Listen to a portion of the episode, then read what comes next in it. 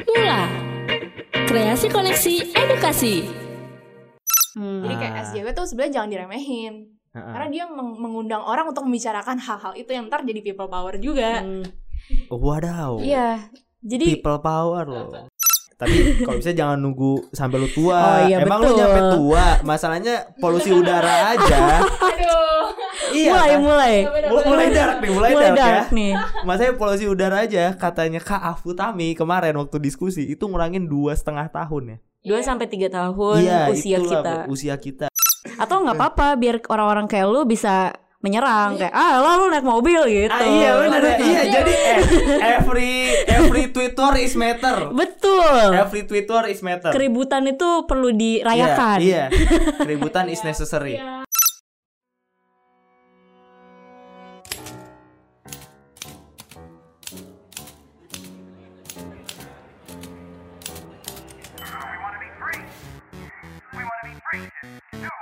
You're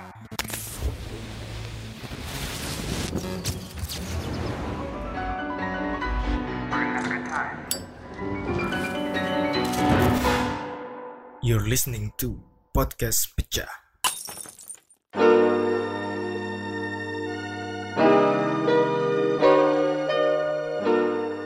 Oke, baik lagi di podcast pecah, podcastnya manca. Selamat datang di episode gue nggak tahu ini episode keberapa. Eh, karena gue juga nggak tahu ini di uploadnya kapan. Jadi pokoknya ntar lihat aja di titlenya. Dan yang jelas pada episode kali ini podcast pecah tidak ngepodcast sendirian dan garing seperti biasanya karena ada bintang tamu dari Necropolis. Yeay. Yeay, hai. ada dua mbak-mbak dari Necropolis. Ada Mbak siapa? Ah, halo semuanya, aku Putih. Hai, aku Husna. ada Putih dan Husna di uh, episode kali ini. Dan sebelum uh, masuk ke apa yang akan kita bicarakan, sebelumnya mengucapkan terima kasih kepada Mula Indonesia yang mensupport uh, production dari episode kali ini, The Best Mula. Oke, uh, jadi Necropolis nih apa ya ngejelasin ya komunitas apa fanbase apa Fanbase. apa gimana nih? Aduh duh mentok. ya, Nah, jelaskan dong Necropolis itu apa? Necropolis itu sendiri kalau menurut kita ya, kalau dari tafsiran kita nih, eh, Necro adalah sebuah eh, titik temu dari berbagai gagasan atau dialog tentang kota. Em, di sini kita berusaha buat jadi ruang antara yang ingin terus emang kami reproduksi eh, dalam menjembatani pelaku-pelaku multisektor. Nah, di sini kita percaya banget sih sama nilai-nilai kolaborasi. Eh, maka dari itu kita di setiap diskusi dan di setiap tulisan kita kita juga selalu menggait orang-orang tertentu untuk membicarakan keresahan perkotaan. Oke, bahasa Indonesia gimana? Coba itu kan kayak definisi banget tuh, kayak KBBI. Apa kalau misalnya lu lu ngejelasin Necropolis ke anak SD kelas 3 deh. Jangan kelas 3 lah, masa Kelas 6, tiga? kelas 6, kelas 6, kelas Oke. 6. Mau UN tuh. Dari bionya Necro aja ya. Necropolis adalah ruang ruang eh, mendi- ruang mendiskusikan isu-isu perkotaan. Titik. Nah, Nah, itu sederhana. ya. Sederhana. Pengejauhan tahannya yang tadi. tahannya ini tadi yang sudah Putih bilangin. Nah, Simpelnya ya udah ruang untuk ngomongin isu-isu perkotaan gitu. Entah mediumnya apa aja. mediumnya apa aja dan uh, berusaha untuk terus berkolaborasi gitu ya. Betul. Betul. Kegiatannya apa aja Necropolis? Kegiatannya apa aja Put? Siapa tahu nih pendengar podcast pecah. Um, saya rasa pasti eh, sih ya. enggak enggak enggak. Saya enggak. rasa pasti apa nih? Saya rasa pasti apa? Pasti eh, teman-teman udah pada dengar Necropolis ya. Weh, enggak enggak enggak enggak enggak enggak. enggak. Jadi kalau Necro sendiri kita banyakkan diskusi, terus em, kita juga banyak nulis sih sebenarnya. Cuma sekarang lagi mandek aja alias Berarti nggak berhenti. banyak gimana dong? Aduh gimana dong? Iya pokoknya kita ya ada sekarang ya ada tulisan, tapi sekarang sih lagi sibuk ngisi-ngisi eh, invitation dari beberapa orang. Mantap. Terus em, kemarin kita baru diskusi nih di M-Block Podcast Pecah datang kan? Podcast pecah datang. Dong. Karena ada SJW perkotaan full house kan. Full house ya bener full banget house cuy. Kalau lu main poker full house auto menang. Auto menang. Ada ada siapa aja sih kemarin diskusi yang DM lu? Ada Kak Kak Kak- Kak Afutami, Kak Futami, ada, Bu Ada- Elisa. Ini ada- ngomongnya Bu apa Mbak sih? ada Mbak Elisa, Mbak. Oh iya. ada teman dari ICL ya, ICL. Terus mm, dari WRI Mas Almo. Iya, sama dari Jakarta, Berdaya- Berketahanan. Oh, ber- berketahanan. Yup. Ya itulah. Waktu itu waktu itu ya ngediskusinya tentang apa? Eh, Eh, hak atas udara bersih. Hak atas udara bersih. Nah, eh, ngomongin tentang hak atas udara bersih nih, gua lihat-lihat anjir gua lihat. Ini tuh kayak apa ya? Ini kayak Necropolis gue udah tahu terus kayak ngebawanya kayak gini Kayak sosok- tau kayak anjir gitu kayak sosok nggak tahu gitu ya, Iya, kayak padahal- sosok belum kenal Iya, gitu. padahal ya Allah. Sejarahnya gimana? Sejarahnya Padahal dulu tiap hari nongkrong di kantin. Iya. Jadi Necropolis ini isinya juga teman-teman gua, teman-teman Hmm. kuliah gitu. Enggak enggak gimana-gimana, ada Mbak Ci. Aduh.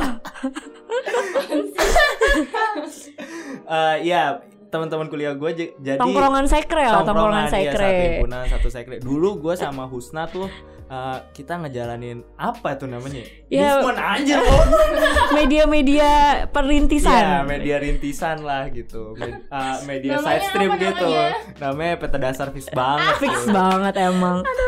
Dulu kita siarannya malam-malam maghrib-maghrib Iya. gelap-gelap di pinggir. Itu ada radio ya? Ada dulu PDFB, singkatannya PDFB cuy. Oh, PDFB iya. ada radionya dulu.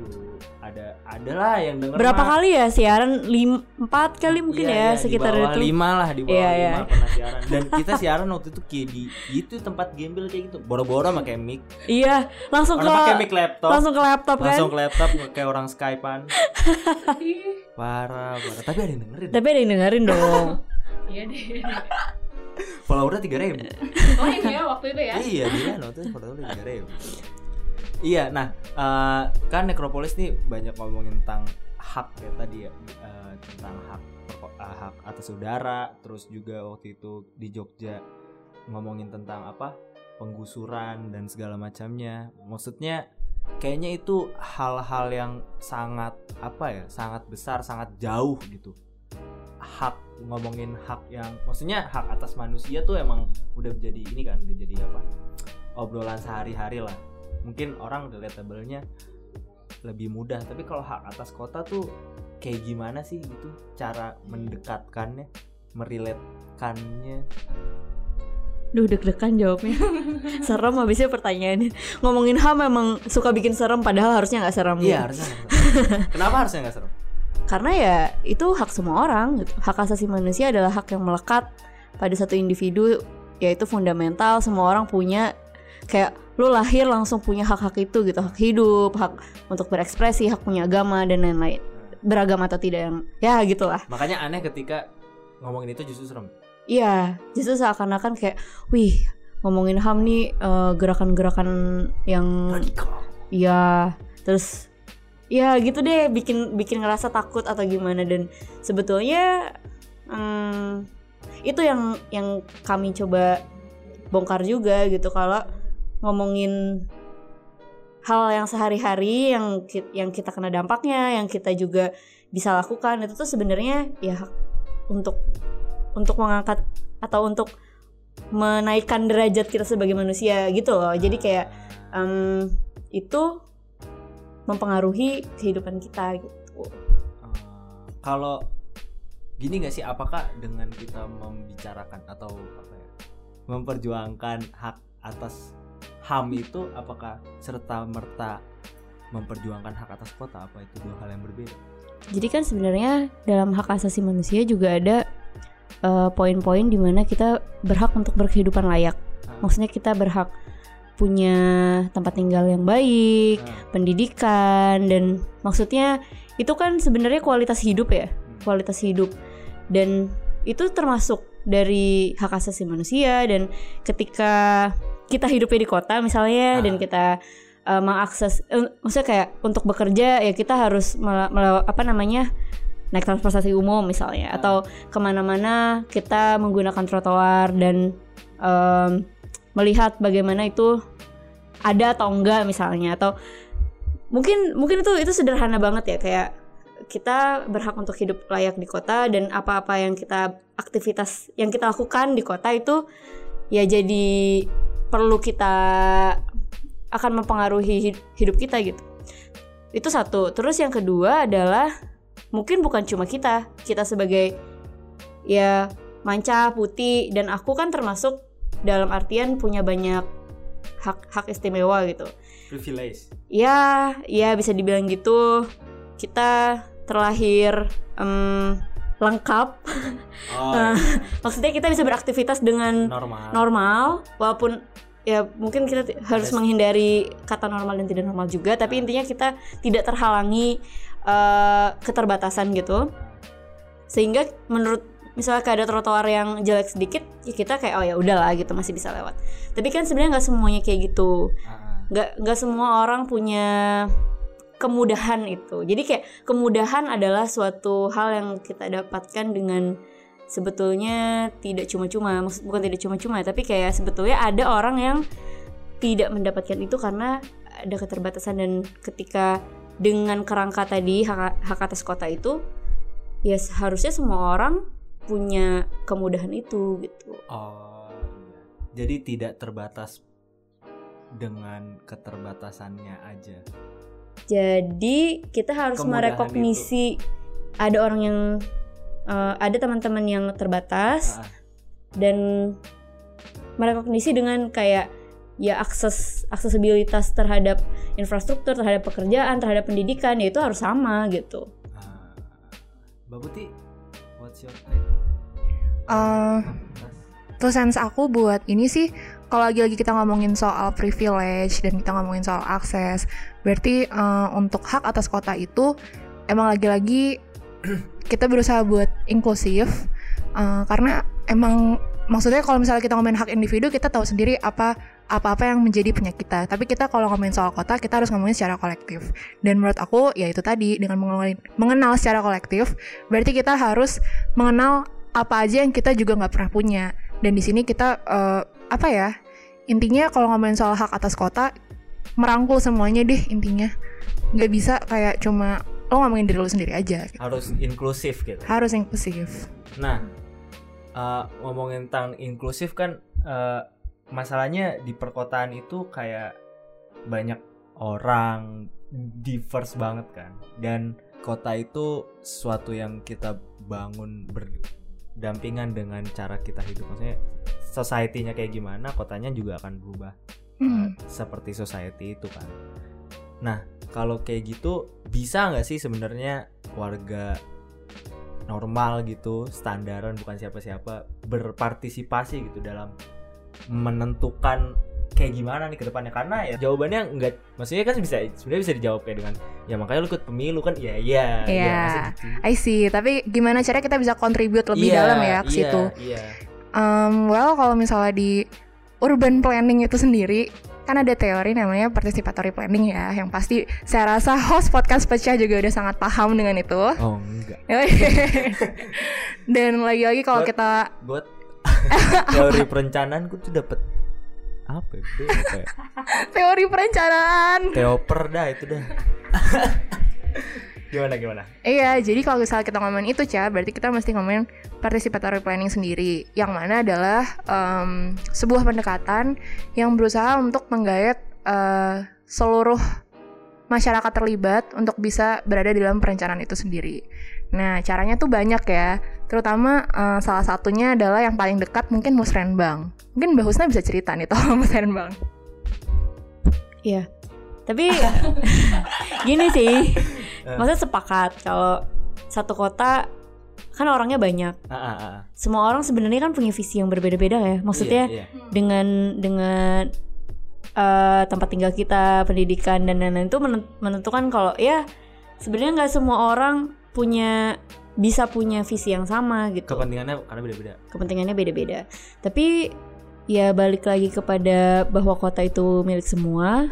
Artinya eh menurutku sih kita perlu curiga ya, kayak sebenarnya apakah imajinasi tentang eh, kota yang kita ingini gitu, kota yang kita idamkan itu sebenarnya eh, kita omongin gak sih gitu. Bahkan kayak kita juga nggak punya satu tempat untuk ngomongin seperti apa kehidupan kota yang kita inginkan gitu kan. oh iya iya paham, Mungkin itu paham. satu dulu ya. Maksudnya itu satu di mana hmm, visi bersama itu harus mulai dibicarakan gitu. Itu satu. Nah, ketika maksudnya kan itu nanti terjabarkan dalam teknis-teknis misalnya ada musrenbang ada eh yang lain-lainnya rapat-rapat Ah, ah. segala macam itu itu kan hal yang teknis yang formal gitu tapi menurutku Yang sebelum itu pun sebelum itu pun udah harus ada keinginan bersama untuk eh, punya gagasan bersama punya bayangan bersama imajinasi bersama soal kota yang ideal gitu kota yang kita ingin tinggali bersama-sama gitu sih kalau jadi ada ada ada Jadi mm, gimana caranya maksudnya untuk mem- menyatukan gitu. Paling nggak ngobrolin visi membahas bersama sih. itu membahas buat punya visi Ah. bersama ke depannya gimana. Em, kalau untuk ya mungkin ini supaya lebih relevan buat kita juga ya yang dalam tanda kutip anak-anak muda gitu Oh, ada. pemuda-pemudi pemuda ya bukan milenial pemuda Iya. udah jengah banget. udah udah cukup lah milenial milenial ya Allah. ya ya pokoknya di sini nggak boleh ada milenial milenial ya cak ya di Nggak- di di ada. narasinya ya Nggak ada narasinya, Iya. nggak ada. Kalau kalau ada milenial lah nggak gua upload. gitu. ya maksudnya sebagai pemuda itu bisa bisa kita cari bersama gitu loh kalau yang untuk formal dan eh, untuk yang informalnya ya kayak sebetulnya yang kita berusaha lakukan dengan bikin diskusi dengan bikin ruang-ruang untuk ngobrol terus nggak mesti nggak mesti juga harus kayak pembicara ABC yang tinggi-tinggi juga tapi kayak yang yang penting adalah si ruang itu ruang kritis untuk mendiskusikan atau ngobrol lah. Nggak mesti diskusi juga tapi ngobrol soal apa yang kita rasakan dan bagaimana ini berdampak dan apa yang bisa kita lakukan bersama itu itu perlu direplikasi di banyak tempat untuk membuat satu ruang publik yang kritis dan ketika eh, sudah bisa apa ya jadi ketika warga gitu udah punya em, Kesadaran. kesadaran dan posisi lah bisa memposisikan diri kalau kita warga yang harus bisa meminta A B C dan ini karena begini karena begitu punya punya rasionalitas rasionalitas yang kritis karena didiskusikan bersama jadi punya posisi dong kan ketika punya Oh, posisi kita bisa bergain gitu maksudnya kayak tempatnya di mana nih untuk untuk memasukkan kepentingan ini apakah lewat musrenbang apakah lewat masuk ke sidang-sidangnya eh, RUU RUU itu misalnya Ah, jadi ketika kita udah tahu eh, posisi kita di antara satu sistem perkotaan ini berjalan, kita tahu di mana kita harus berpartisipasi gitu. Musrembang tuh apa sih? Musrembang itu kan musyawarah perencanaan pembangunan. Itu ada di Em, jadi dia ada dia itu dibentuk tahun 2000 eh, pilotnya sekitar tahun 2000-an lah. Intinya itu Awal. ada itu adalah eh, bentuk manifestasi dari manifestasi. Maksudnya dia Kirain pengejawantahan kirain. susah ya pakai bahasa-bahasa sulit kayak gini. Intinya dia ada karena em, setelah reformasi ada desentralisasi dan Ah, bagaimana setiap pemerintah daerah punya wewenang untuk eh, menentukan. ngegovern Nah. kotanya gitu kan, kota atau kabupatennya. Dan itu jadi ada undang-undang SPPN. Ya, Anjir, intinya apa? itu sistem perencanaan, Iya. sistem perencanaan di Indonesia ya. Ah, itu kan ada ada skala dari mulai eh, Nasional. dari nasional, provinsi, kabupaten kota, kecamatan, kelurahan dan bahkan lingkungan RT RW dan musyawarah itu dimulai dari musyawarah lingkungan RT dan RW. nah itu namanya musrembang. Itu namanya musrenbang Oh. dan posisinya adalah untuk mengajukan atau merumuskan anggaran. Dia emang eh, participatory budgeting musrenbang Hmm. itu. Bukan bukan planning ya, maksudnya bukan planning yang bikin Bukan participatory planning. Iya dia emang spesifik soal budgeting sebenarnya. Ah, Bagaimana anggaran-anggaran di yang ada APBD itu diserap gitu. Maksudnya ah, eh, dibikin plannya kan, dibikin ra- rancangan anggarannya sekian untuk apa, untuk apa, untuk apa dan itu mm, berjenjang dari mulai RT RW terus ke kelurahan, ke kecamatan, lalu ke tingkat kota. Dan itu juga ada sektor, ada ada teman-teman dari dinas tertentu juga punya musyawarahnya sendiri sampai akhirnya nanti ada satu tingkat kota itu yang mendiskusikan keseluruhannya. Jadi kayak anggarannya buat apa, buat apa, buat apa, buat apa. Iya. Ya. Ya, kayak gitu sih secara gampangnya adalah mm, perencanaan anggaran yang berjenjang dari mulai eh, lingkungan sampai tingkat kota untuk tahun berikutnya, untuk program tahun berikutnya gitu. Oh. Tapi menarik sih, maksudnya yang aku pengen uh, highlight dari tadi Husna itu adalah um, bahwa kalau misalnya kita ngomongin partisipasi perencanaan untuk ke sana itu, untuk membuka akses itu, kita nggak perlu kita nggak perlu kayak nunggu um, misalnya kita nunggu musrenbang dulu atau gimana kita bisa loh membuka akses baru lagi kita bisa buku satu poin lagi sementara lewat tadi um, misalnya kita bikin kayak ya sekedar ruang diskusi untuk Ah. raising awareness dan segala macam jadi poinnya adalah kalau misalnya mau masuk ke dalam sebuah partisipatori ya antara kita ngebuka atau antara kita ikut dalam satu uh, skema yang lain gitu sih Ah, I see. Ya, Tapi- jadi ruang yang udah ada bisa kita Manfaatkan. manfaatkan dengan yang seharusnya gitu. Ah. Karena emang sudah seharusnya semua orang ikut sih. Sudah seharusnya kita tahu oh rapat RT eh, hari ini hari ini itu bakal ngomongin tentang apa gitu. Dan musrenbang itu memang ada jadwalnya sebetulnya. Jadi mulai Ada jadwal per tahun. Iya, harusnya di awal tahun itu udah sedang dimulai prosesnya untuk rancangan yang tahun, Tahun depan, depan. gitu. Ah. Jadi selain itu kita juga eh, itu it- itu ada satu cara yang perlu kita populerkan, kayak Ah, ah. ibaratnya ya podcast pecah ini bisa endorse uh, musrenbang, mengarus Mengarus utamakan. utamakan. Bayangin abis ini- segitu anjir. Abis ini anak-anak muda gitu datang ke rapat RW, ke rapat Nah, kelurahan. itu itu, itu, itu, itu yang dari tadi gue mau ngomongin. Maksudnya kayak oke kita oke paling nggak udah tahu dua nih. Eh, gua dan pendengar gitu. Eh, pertama ada cara kalau mau berpartisipasi gitu ya. Bisa pakai dua cara. Oke, ada namanya musrenbang itu di tingkat RT dan bla bla bla bla. Silakan yang mau yang kepo lu tinggal googling aja. Terus yang Hmm. kedua itu membuat ruang-ruang diskusi. Nah, masalahnya kayak di pemuda, Ci. Gue mau ngomong yang hurufnya M itu. kayak pemuda zaman sekarang tuh eh, ini sangat mengeneralisir ya, jelas. Tapi kayaknya ya udah gitu kayak cuman sekedar tahu oh itu ada itu ya? Oke fine. Orang orang yang sangat pragmatis bilang ya lu diskusi doang terus apa? Gitu. Hmm, kayak gitu. Tapi hmm. di pragmatis di sisi lain kalau lihat mus musrembang kayaknya dia bakal mikir ini bukan gue ya maksudnya eh, gue Lu juga nggak apa-apa gue membayangkan membayangkan ada orang pragmatis yang ngomong "Eh, ya udah gue mau kerjain gitu. Apa sih gitu? Iya. ya maksudnya kayak itu sangat Gak sempet, gak sempet iya nggak rapat. sempet Nah, apalah gitu. Iya ya itu kan apa sih gapnya hmm, antara aksi gitu sama maksudnya oke lu ikut diskusi oke mungkin lu ikut musrembang tapi aksi ke aksinya tuh kayaknya jauh banget. Menurut kalian apa sih gapnya yang di situ? Hmm.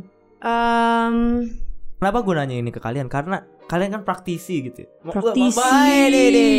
Nggak, nggak maksudnya kalian sering mengadakan diskusi Iya, gitu. Maksudnya iya, paling iya, nggak iya. kalian udah udah Iya. menemukan orang-orang kayak oh ini yang diskusi mulu nih yang ini nih kayak maksudnya kayak ada ada Hmm. pengunjung setia mungkin atau kayak gimana. Iya. tapi maksudnya kami pun paham gitu loh Hmm. kalau diskusi juga kadang tidak ke mana-mana maksudnya Ah, ah. dia berhenti sampai ruang diskusi itu kadang ya udah oke kita bikin report bikin laporan ada artikelnya misalnya bahkan bisa Bisa diliput diakses. ya diliput atau ya atau misalnya aksesibel untuk Ah. dibaca misalnya atau ada video live streamingnya Ah, ah, ah.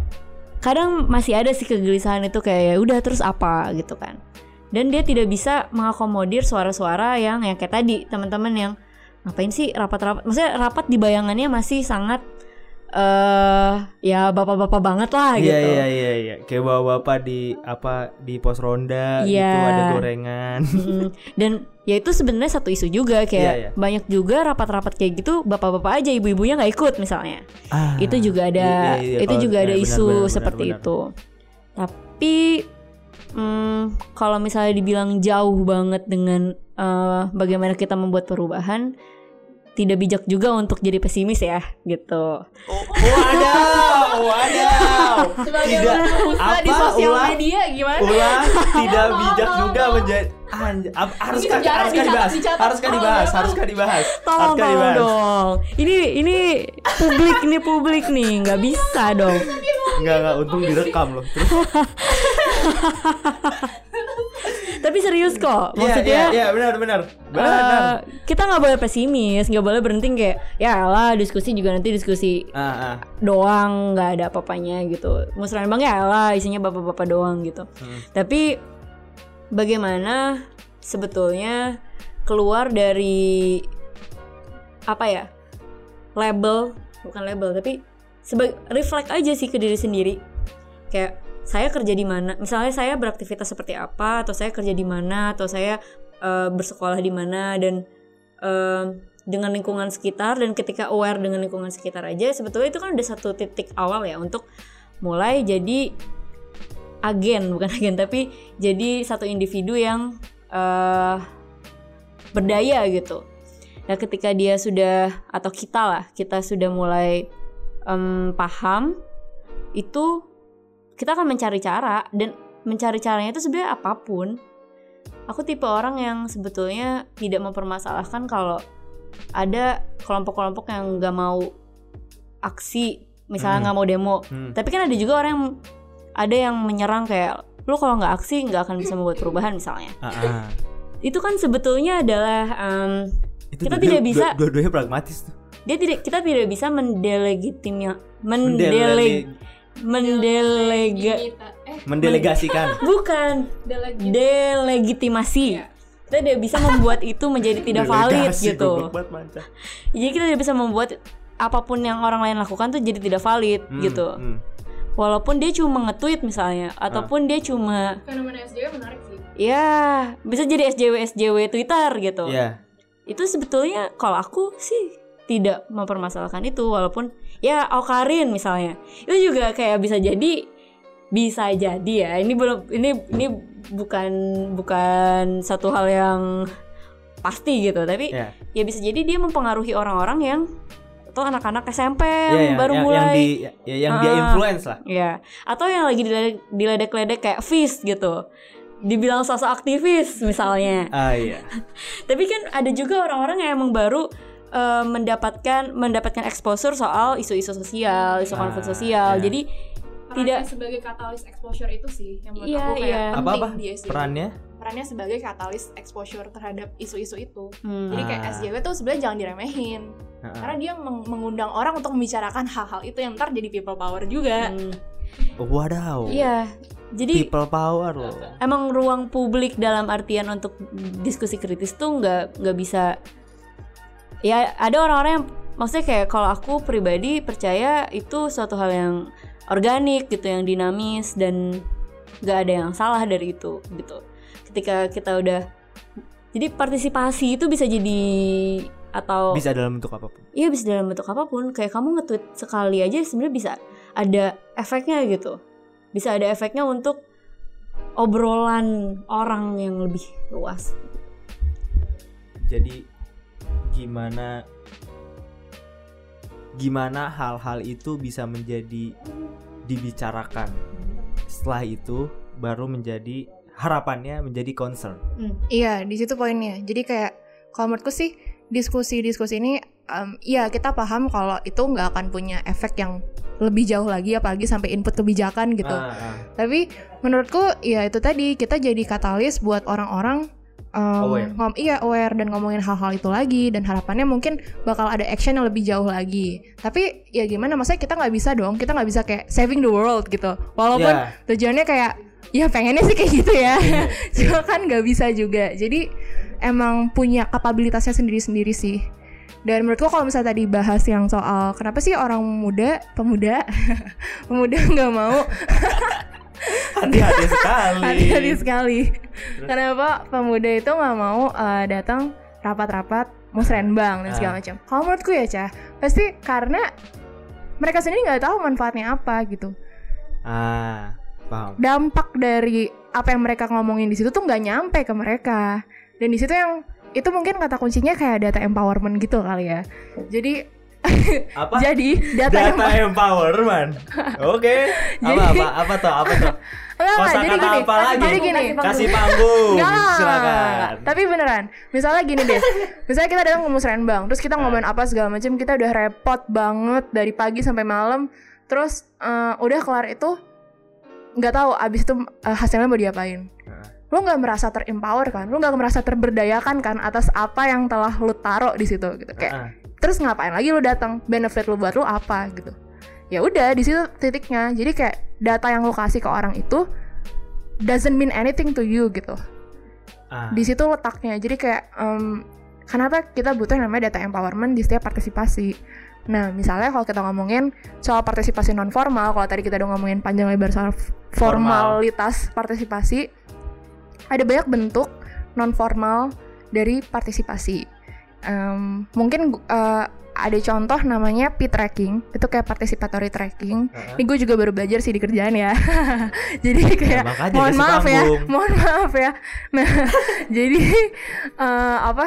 eh, kayak itu tuh adalah sebuah eh con- sebuah pendekatan. Jadi kalau misalnya kayak kita datang, misalnya eh, misalnya lu kayak em, surveyor gitu, Heeh. terus lu minta data Survei your. ke surveyor, Iya, iya, apa apa lanjut. terus kayak Inside joke banget.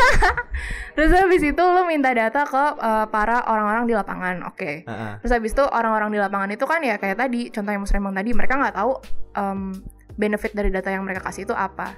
Padahal kalau mereka tahu mereka mungkin bisa men-trigger action yang lebih jauh lagi gitu.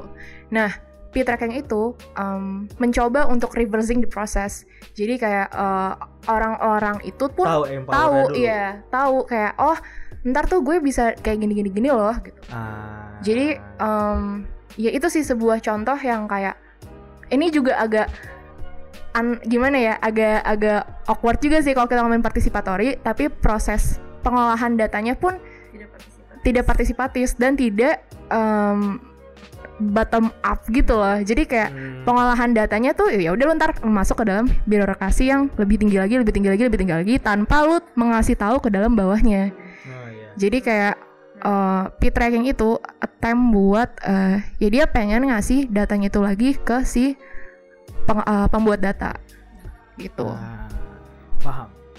Oke. Mantap. Apa apa? Ya ngomongin data Kenapa harus Kenapa gue harus dibunyiin dulu dulu? sih Nyala nyala nyala. Iya ya udah nyala. kayak di masjid ya kayak nyala.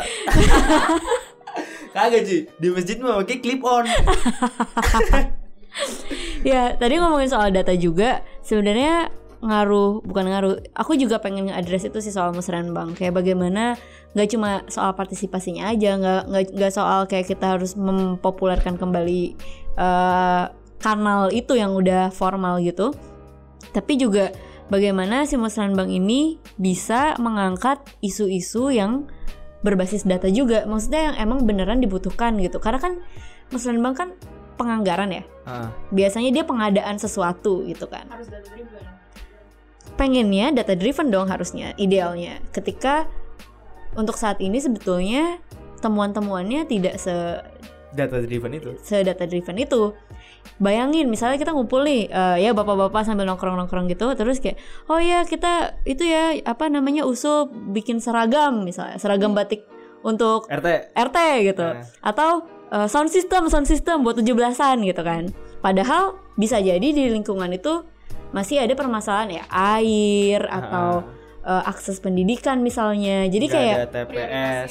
prioritas yang kayak gitu ya Ah. sampah pengelolaan Ah. sampah Ah. jadi itu juga perlu data-data yang kecil atau data-data yang mikro yang satu komunitas itu juga perlu difasilitasi gitu. Harus ada teman-teman, mungkin teman-teman yang yang mendengarkan ini yang emang punya aware, maksudnya cukup eh tahu lah dan cukup tertarik dengan Hal ini. hal ini, pemetaan misalnya Ah, dan eh apa apa sih community development. development gitu itu bisa ajak komunitasnya untuk duduk bareng dan beneran beneran mengidentifikasi masalah apa sih yang perlu di uh, Address. dan itu bisa dalam bentuk data bisa dipetakan misalnya Ah, bisa Atau- di dikuantifikasi gitu.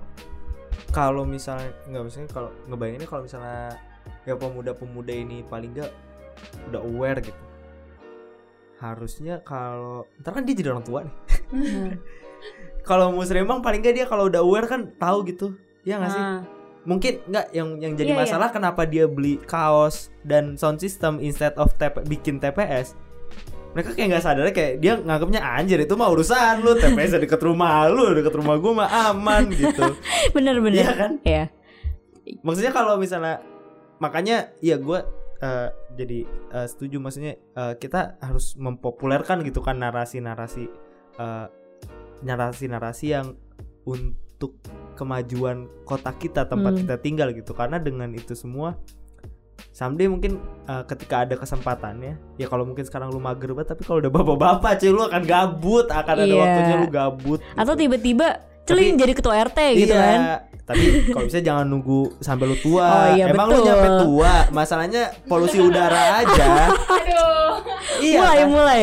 Mulai, mulai dark nih mulai, Mulai dark, dark ya nih. Masanya polusi udara aja katanya Kak Afutami kemarin waktu diskusi itu ngurangin dua setengah tahun ya. 2 sampai 3 tahun Iya, usia itulah, kita. Usia kita gitu. Yang katanya sih kita berhak marah gitu. Oh, lu kecuali kecuali sad boy sad boy yang emang udah mau kayak Iya, sad udah- boy sad girl yang Iya, udah mau iya, kayak iya. Kan ada kan meme-nya Iya, kayak iya. katanya suicidal naik Iya. klien takut katanya gitu. Aduh. Katanya suicidal turun di apa airport Jogja panik nih. Aspalnya gak gerata cuy. Ya, tapi itu ya di luar dari Konteks. konteks ya. Ini kan kolektif, harusnya 2 Ah. 3 tahun itu kita bisa lebih produktif dong. Iya, lu, lu bayangin aja cuy, 2 sampai 3 tahun tuh kayak lu bayangin lu nggak bisa SMA gitu. Gue sih nggak mau gue nggak bisa SMA. Walaupun pas gue SMA gue kesel banget sama SMA gue, tapi pas gue sekarang anjing kalau dipikir enak juga gitu. Hmm. Dan gue nggak mau kehilangan itu dan makanya itu lu mesti sadar cuy tentang hak hak lu yang bisa lu perjuangkan. Betul. Tuh. Kayaknya udah itu aja deh, udah baik bacot udah gila 30 menit. Banyak inside jokes lagi. Banyak inside jokes Orang lagi. yang nggak ngerti. Orang yang nggak ngerti gitu. Coba kita lihat ya, apakah ada reaksi nih. Tapi ap- ap- apa apa bikin ini? Eh nggak usah deh. Ya udah Eh. eh, apa? Apa tuh kayak barusan? kayak gue ragu gitu anjing. Eh, ini apa sih? Eh, udah itu aja. Coba eh, concluding remarks anjing dari siapa pun. Apa ya? Ya penutupnya sih hmm, semoga obrolan kita bisa jadi semacam momentum untuk mereflek atau refleksi diri bagaimana kita ada di satu sistem bagaimana kita ada di eh, kota gitu di kota atau tempat tinggal kita yang sebetulnya apa pun yang kita lakukan tuh bisa berperan gitu. Entah itu yang buruk atau yang tidak Ah, yang buruk atau yang baik.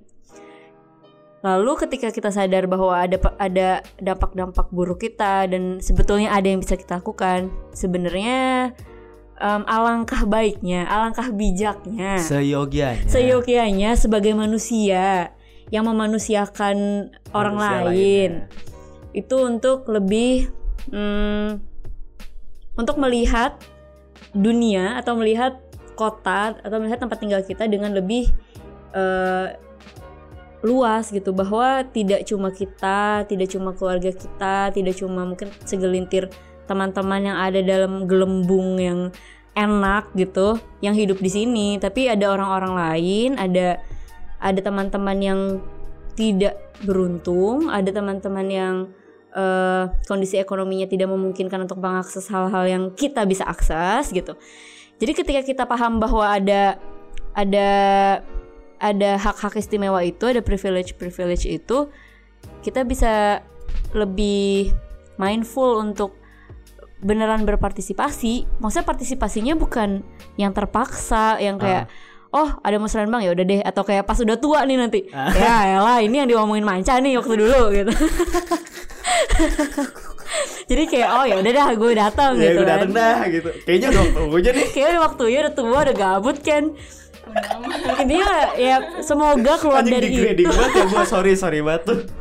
Semoga keluar dari itu. Jadi Ah. kayak kita beneran paham kalau kita bisa berbuat sesuatu gitu dengan apa pun dengan nge-tweet, nge-tweet Ah. dari eh nge-tweet nge-tweet sambat dikit. Heeh. eh kenapa transportasi publik kayak gini, kenapa panas lalala. Ah.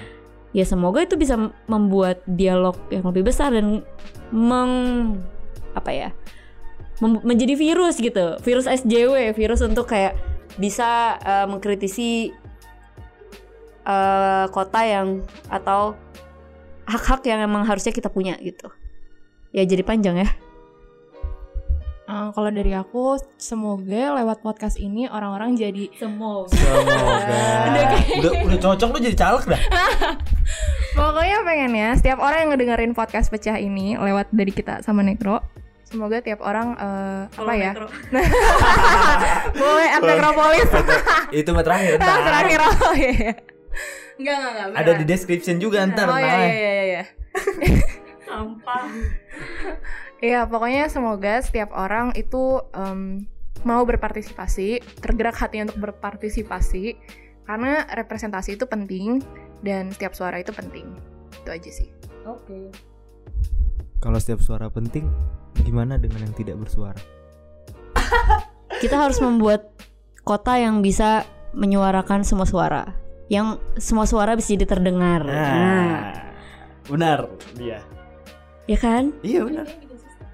Iya, intinya membuat ruang itu, Iya, iya, iya, iya, membuat eh, masyarakat kehidupan bermasyarakat kita mau mendengar Heeh. suara-suara yang sebelumnya tidak terdengar atau termarginalkan. gitu. Jadi intinya itu cuy. Lu nggak apa-apa jadi SJW.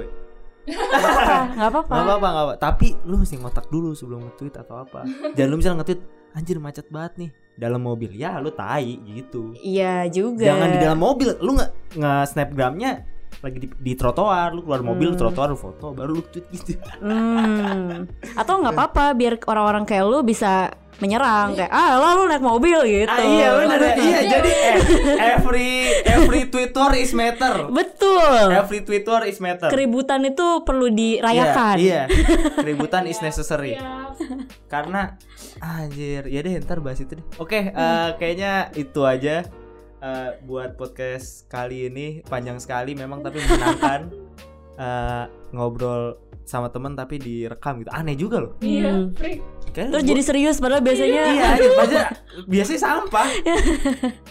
Lu tuh ga- karena hal ini ya gue jadi yakin ya orang-orang yang kayaknya pinter di depan forum-forum tuh sebenarnya goblok tau sama teman-temannya mah. Gue yakin. Ya, bisa jadi. Iya. Kan sekarang Karena ada kita nggak temenan aja jadi Oh, kelihatannya betul. pinter nih orang gitu. kan ada namanya personal branding. Ah, tai, udah udah. bisa satu, satu chapter lagi Itu nih satu chapter lagi, Bro. Personal branding, personal branding. Nulisnya di Instagram, LinkedIn. Ah, Goblok banget orang-orang. Ya udahlah, ya itu aja ya. Terima kasih buat yang udah dengerin selama ini. Eh, lo semua jangan lupa follow eh, Necropolis ada di description linknya ada di Instagram di ya di mana-mana lah pokoknya. Ntar semua ada link ada di eh, description. Sekali lagi eh, terima kasih Necropolis telah datang. Terima kasih podcast pecah. Uh. Eh, kayak gitu aja. Eh, terakhir seru nggak seru? Pecahin aja. Deh.